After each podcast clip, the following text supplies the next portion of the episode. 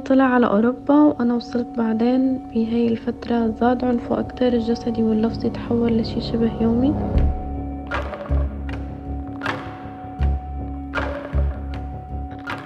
هذا صوت لما وهي سيدة سورية. كما سمعتم لحقت بزوجها إلى أوروبا تحت ما يسمى لم الشمل لكنها تعرضت منه للضرب والتعنيف. في هاي الفترة أنا كنت حدا مثل الضايع. ما كنت بعرف شو هي حقوقي هون. بنفس الوقت كنت خايفة منه من ردة فعله بحال أنا انفصلت. لما عرفت حقوقي هون لما تأكدت إنه حقوقي كلها مضمونة هون مشيت بخطوة الانفصال والطلاق بدون أي تردد. إذا لما وجدت سبيل الخلاص كما تراه وحصلت على الطلاق في أوروبا بعد معاناة طويلة مع الزوج الذي استخدم العديد من أساليب التعنيف ضدها. طبعا بعد انفصالي ما بيخلو الموضوع من مشاكل من طرفه في حال صار في تواصل بيننا فهو ما عم بقدر يتقبل فكرة الانفصال. لحد هاي اللحظة بتعامل معي على أساس ملكيته أو مرته أو زوجته. بعد تقريبا سنتين انفصال أنا أحسن بكتير من الفترة اللي مضت.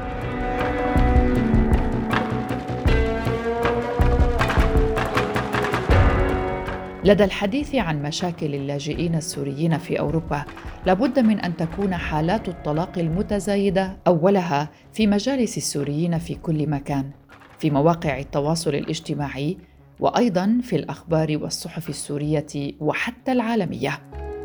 ففي تقرير نشرته شبكة ذا Conversation ذكر فيه نقلا عن محامية ألمانية أنها لم يسبق لها وأن شهدت هذا العدد الكبير من النساء اللواتي يحملن الجنسية ذاتها ويسعين لطلب الطلاق. وتقول أيضا لم أشهد في حياتي نسيجا اجتماعيا يتفكك كهذا الذي رأيته بين السوريين عن حالات الطلاق بين السوريين والسوريات في أوروبا والاختلافات الاجتماعية والقانونية التي يواجهها المجتمع السوري في حالات الهجرة أو اللجوء. حلقة جديدة من بودكاست في 20 دقيقة وضيفتنا الباحثة الاجتماعية والنسوية علياء الأحمد وهي أيضا مدربة في قضايا حقوق المرأة. أهلا بكم معكم براء صليبي.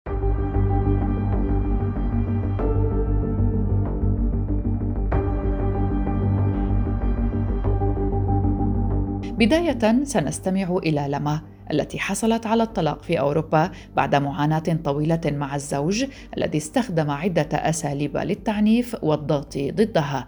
نستمع للتسجيل كاملا. تزوجت بسنة 2013 بسوريا تعرضت بفترة زواجي أكثر من مرة لعنف جسدي ولفظي من قبل طليقي. آه، من الأشياء اللي دائما ببالي أو ما بتروح من بالي أو بذكرها دائما إنه مارس علي عنف جسدي قبل ولادتي بيوم. آه، طبعا أهلي بسوريا عرفوا بالموضوع ولجأت لهم بهديك الفترة. طبعا كمعظم الأهالي العائلات العربية ما كان موضوع الطلاق وارد. كانوا بدعموا فكرة استمرار الزواج حتى لو كان على حسابي. آه، كانوا يقولوا لي دائما إنه هي فترة وبتمضى هو أكيد رح يتغير ما رح يبقى هيك هي أكيد فترة ضغوط. وبالمقابل أنا كمان كان لازم أعرف أنا شو الشي الغلط اللي عم بعمله لحتى هو عم بيعصب ويوصل لهي المرحلة. بعدها آه، هو طلع على أوروبا وأنا وصلت بعدين بهاي الفترة زاد عنفه أكتر الجسدي واللفظي تحول لشي شبه يومي. تعرضت من قبله لأغتصاب. في هاي الفترة أنا كنت حدا مثل الضايع. ما كنت بعرف شو هي حقوقي هون. بنفس الوقت كنت خايفة منه من ردة فعله بحال أنا انفصلت.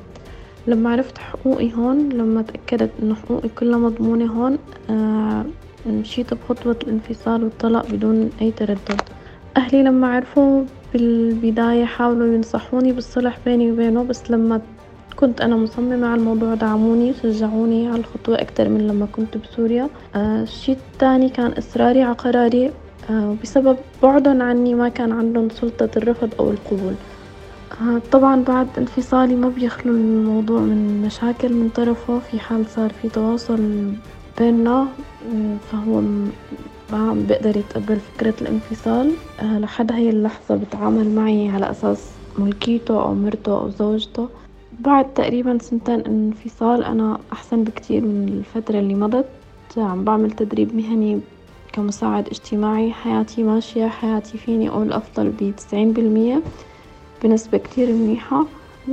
هيك هي تجربتي بالمختصر عن الزواج والطلاق. لما هي واحدة من سيدات سوريات كثيرات حصلن على الطلاق في أوروبا. وهناك عشرات القصص وربما مئات الحالات وصرنا نسمع عبارات متداولة بين السوريين مثل السوريات فلتوا بأوروبا والسوريات عم يطلقوا جوازهم والسوريات عم يمشوا على حل شعرهم. وهذه العبارات وغيرها فقط لأن النساء قررن واخترن حياتهن وسلامتهن النفسية والجسدية وتجاهلن كلام المجتمع الذي يلقي اللوم على المرأة عندما تطلب الطلاق. وهذا ما تؤكده ضيفتنا السيدة علياء أحمد في حديثها القادم عن المجتمع السوري ونظرته للمرأة المطلقة. المشكلة الأساسية بهالموضوع بتبدأ من الدلالة التمييزية بين الرجل والمرأة واللي بتحملها كلمة مطلقة بمجتمعنا. هاي الكلمة تكاد لا تعني شيء عندما نقول رجل مطلق بينما بتحمل وصمة عار وشتيمة لما بنحكي كلمة امرأة مطلقة. هذا بحسب العرف السائد. مجتمعنا بتتعرض المرأة المطلقة للتهم الجاهزة والقيل والقال بكل حركة بتقوم فيها. لأنه المرأة تسببت بخراب بيتها من وجهة نظر المجتمع ودمرت أسرتها وأنه هي سلوكها الغير مرضي وأخلاقها السيئة هن وراء طلاقها. فبالتالي هي امرأة سيئة السمعة وناشز. وبأحسن الأحوال هي مسكينة وبتستحق الشفقة. ولتغيير وضعها وتحسينه. لازم تقبل بأي زوج يرضى يستر عليها لتحمي حالها وتحمي أسرتها لأنه كتيرين بينظروا إلها كأنها امرأة سهلة المنال وفرصة للتسلية وهي برأيهم بضاعة مستعملة بيمنحوا لأنفسهم حق له بها. هذا ما ينظر إليه المجتمع يعني للمرأة المطلقة. هاي النظرة لو إنها بدأت تتغير ببعض الدوائر المجتمعية إلا إنها من وجهة نظري هي نظرة طاغية على الخطاب السائد بالمجتمع الذكوري. هذا المجتمع اللي بحمل المرأة المطلقة اللوم والذنب وبيمنح الذكور سلطة مطلقة على أجساد النساء ويعطيهم الحق بتعنيفهم والإساءة لهم لما بتستدعي الضرورة والحاجة من وجهة نظر الرجال الذكوريين. بينما على النساء أن يكونوا مطيعات وصابرات ومتفهمات حتى لو أنهم كانوا مظلومات لأن المرأة الأصيلة والصابرة بالموروث المجتمعي هي المرأة اللي بتستكين لأي إساءة من قبل زوجها ولازم تصمت عن حقها والزوج إن أخطأ أو أساء فهو رحمة ورضاه وطاعته واجب. طبعا بالمنظور السائد. هي المنظومة الكاملة بتعمل على تكريس قداسة العائلة والجماعة مقابل تقليل من أهمية الفرد وخاصة إذا كان هذا الفرد امرأة. لهيك بنشوف إنه الصور النمطية بتلعب دور كبير وبتأثر على قرار كتير من النساء اللواتي بيرغبوا بالطلاق من أزواجهم لكن كتيرات منهم ما بيتجرأوا على هذا القرار رغم الظلم والإهانة والإساءة لسنوات كتير طويلة. كل هذا لأنهم خايفات من وصمة العار وكلام الناس وشماتتهم أيضا وخوفا من تبعات هذا الطلاق. فبصيروا يعللوا أنفسهم بالصبر إنه عسى يكون هذا الصبر مفتاح الفرج إلا إنه للأسف كتيرات فقدوا حياتهم وهن صابرات.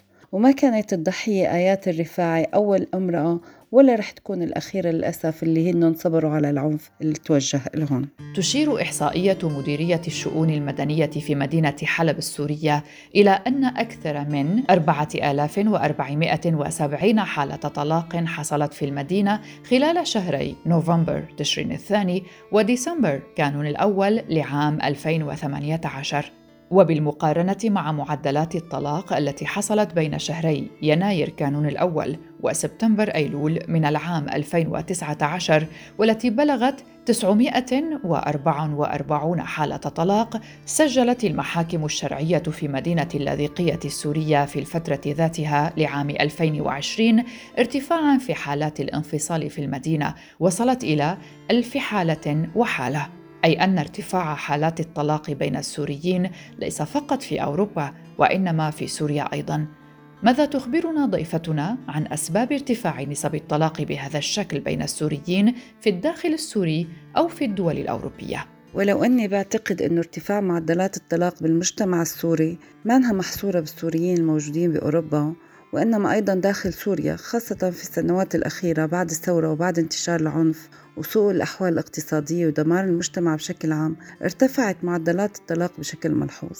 لكن بالتأكيد ارتفعت هاي النسبة أيضا بمجتمع اللجوء والسوريات كتيرات منهم اتخذوا قرار الطلاق بعد وصولهم لأوروبا. لأنه بتخيل بعضهم وكتيرات منهم سمعوا بسوريا أو حسب ما حكوا النساء إنه إذا اتطلقتي أنت بترجعي بيت أهلك لكن غير أولادك. بالتالي لما بتكون المرأة غير مستقلة اقتصاديا بتحس حالها عالية على أسرتها وأولادها رح يكونوا كمان عبء غير مرغوب فيه. فبالتالي كانت تفضل إنها تصمت وتبقى ببيت زوج معنف. إلا أنه ببلاد اللجوء صار في عنا معطيات أخرى هناك قانون بيحمي النساء وبيرعاهم. النساء عموما والمطلقات خصوصا.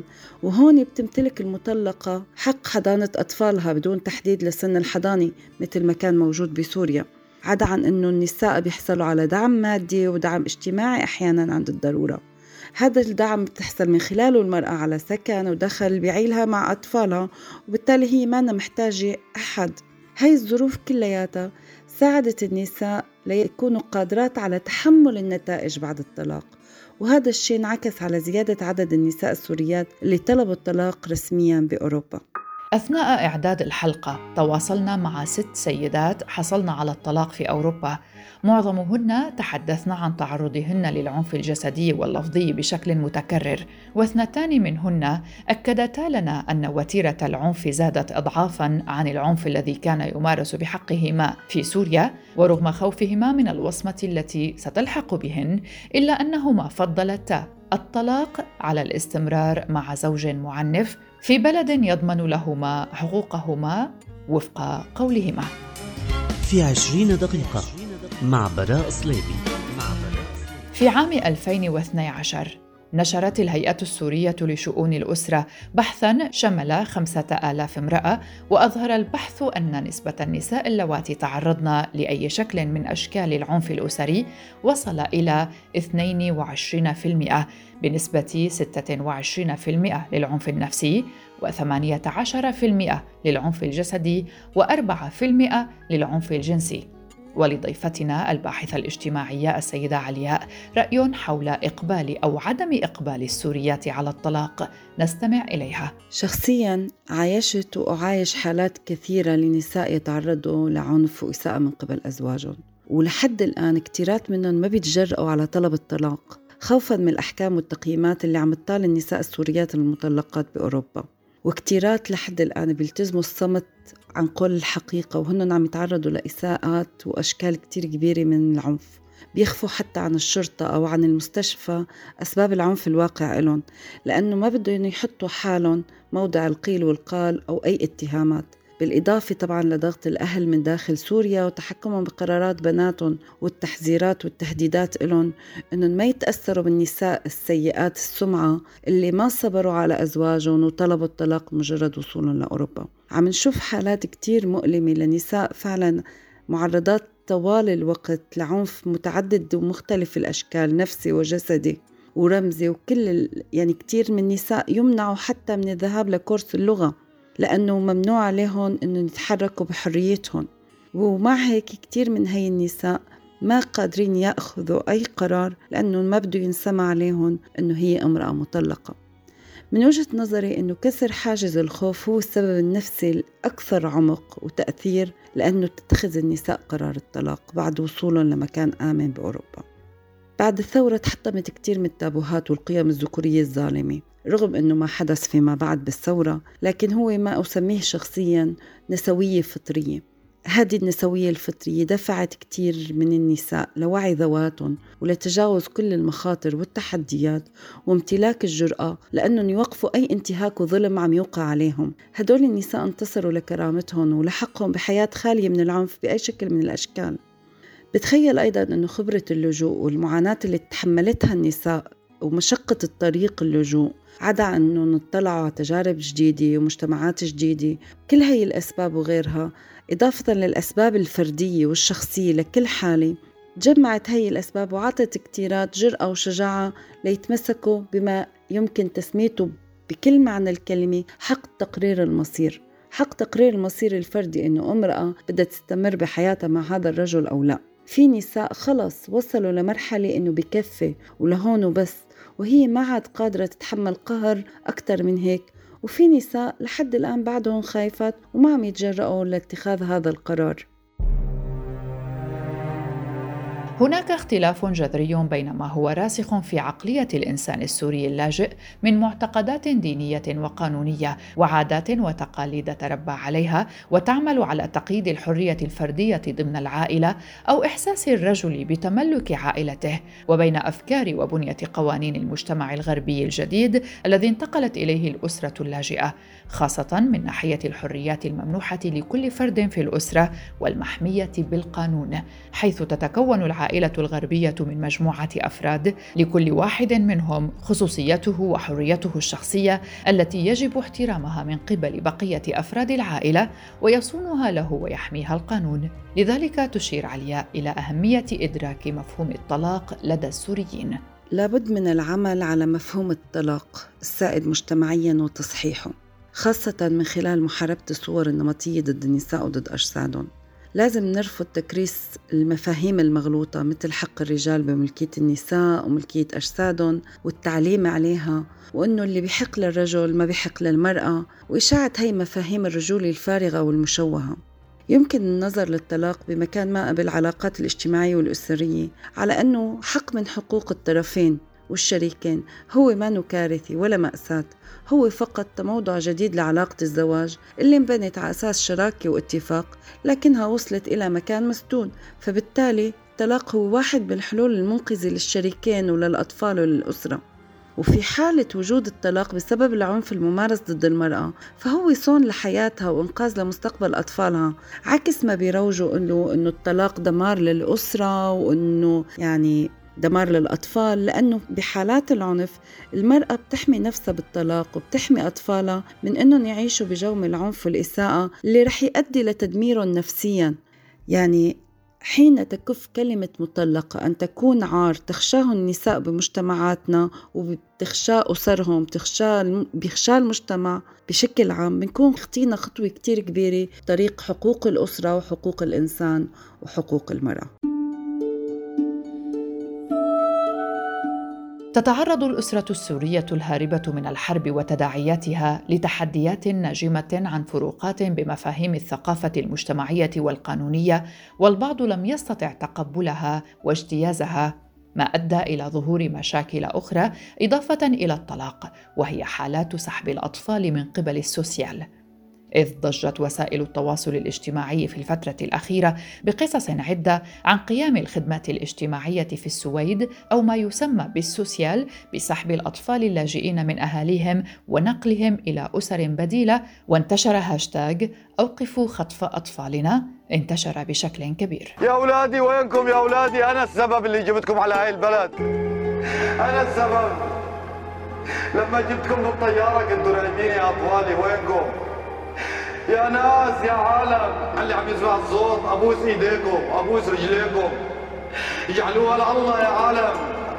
أربع سنوات ماني شايف أطفالي. بدي أطفالي أنا أجل أي انسان أي دولة يا ناس يا عالم يا أهل المروه اللي عنده اطفال يحس بالام أنا أم ام خمس أطفال.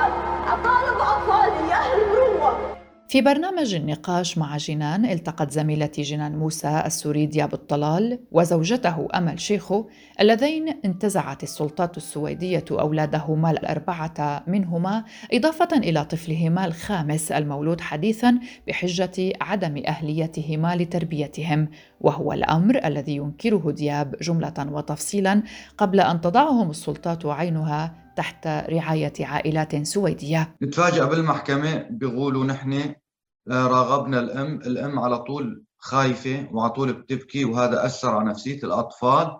آه، الأم غير صالحة للتربية. والأب اعترفوا أولاده إنه ضاربهم أكثر من مرة بلبنان. ثلاث شهور فرجونا الأولاد. شافونا أولادنا ركضوا علينا بابا وين كنتوا؟ ليش هيك عايفيننا؟ يا بابا هيك خلصت الساعة تبع المقابلة. أولادي مسكوني من رجلي يعني بنتي ضحى من هون و... وغصي مسكني وبنتي رهف صغيرة وفاء مسكوا أمهم.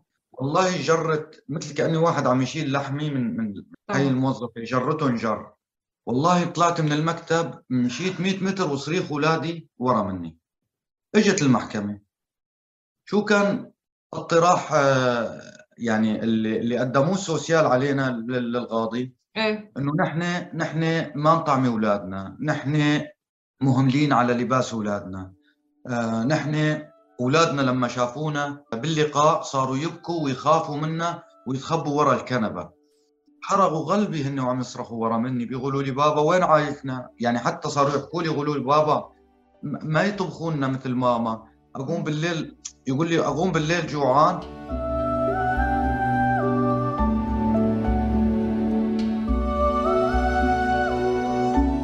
حول هذا الموضوع كتبت عضوة الحركة السياسية النسوية السورية لينا وفائي كتبت مقالا قالت فيه في عملي قمت بالترجمة عدة مرات لأهالي اشتكاهم أطفالهم المراهقون لليوغندامت أو مركز رعاية الشباب.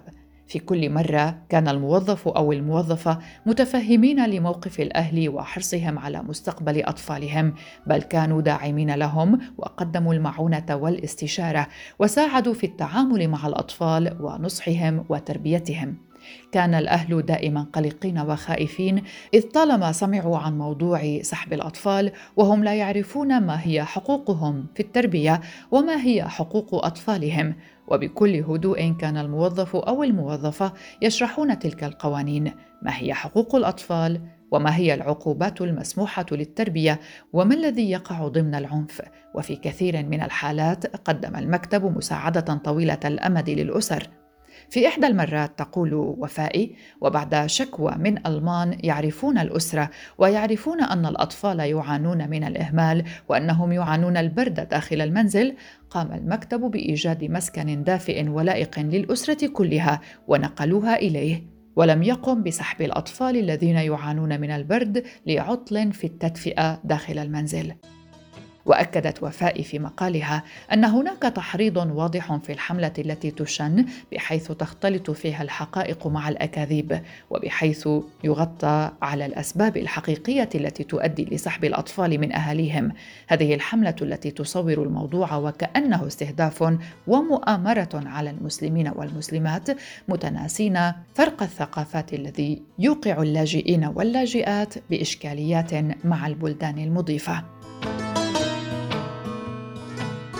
بعد قراءتي لما جاء في لقاء العائلة التي سحب منها أطفالها وقراءه ما جاء في هذا المقال من مختصه أعتقد أن هناك مشكلة ربما في إضافة إلى العادات والتقاليد إضافة إلى الفروق الثقافية ربما هناك إشكال في نقل هذه الصورة أو ربما في ترجمة ما هي رغبة الأهالي وما هي رغبة تلك المجتمعات. ويبدو أننا أمام تحد كبير وأمام وقت طويل لحل هذه المعضلة. ما رأيكم أنتم؟ هذه حلقة من بودكاست في 20 دقيقة. شكرا لصديقتي وزميلتي الصحفية آلاء محمد التي ساهمت معي في الإعداد. كنت معكم براء صليبي. إلى اللقاء. thank you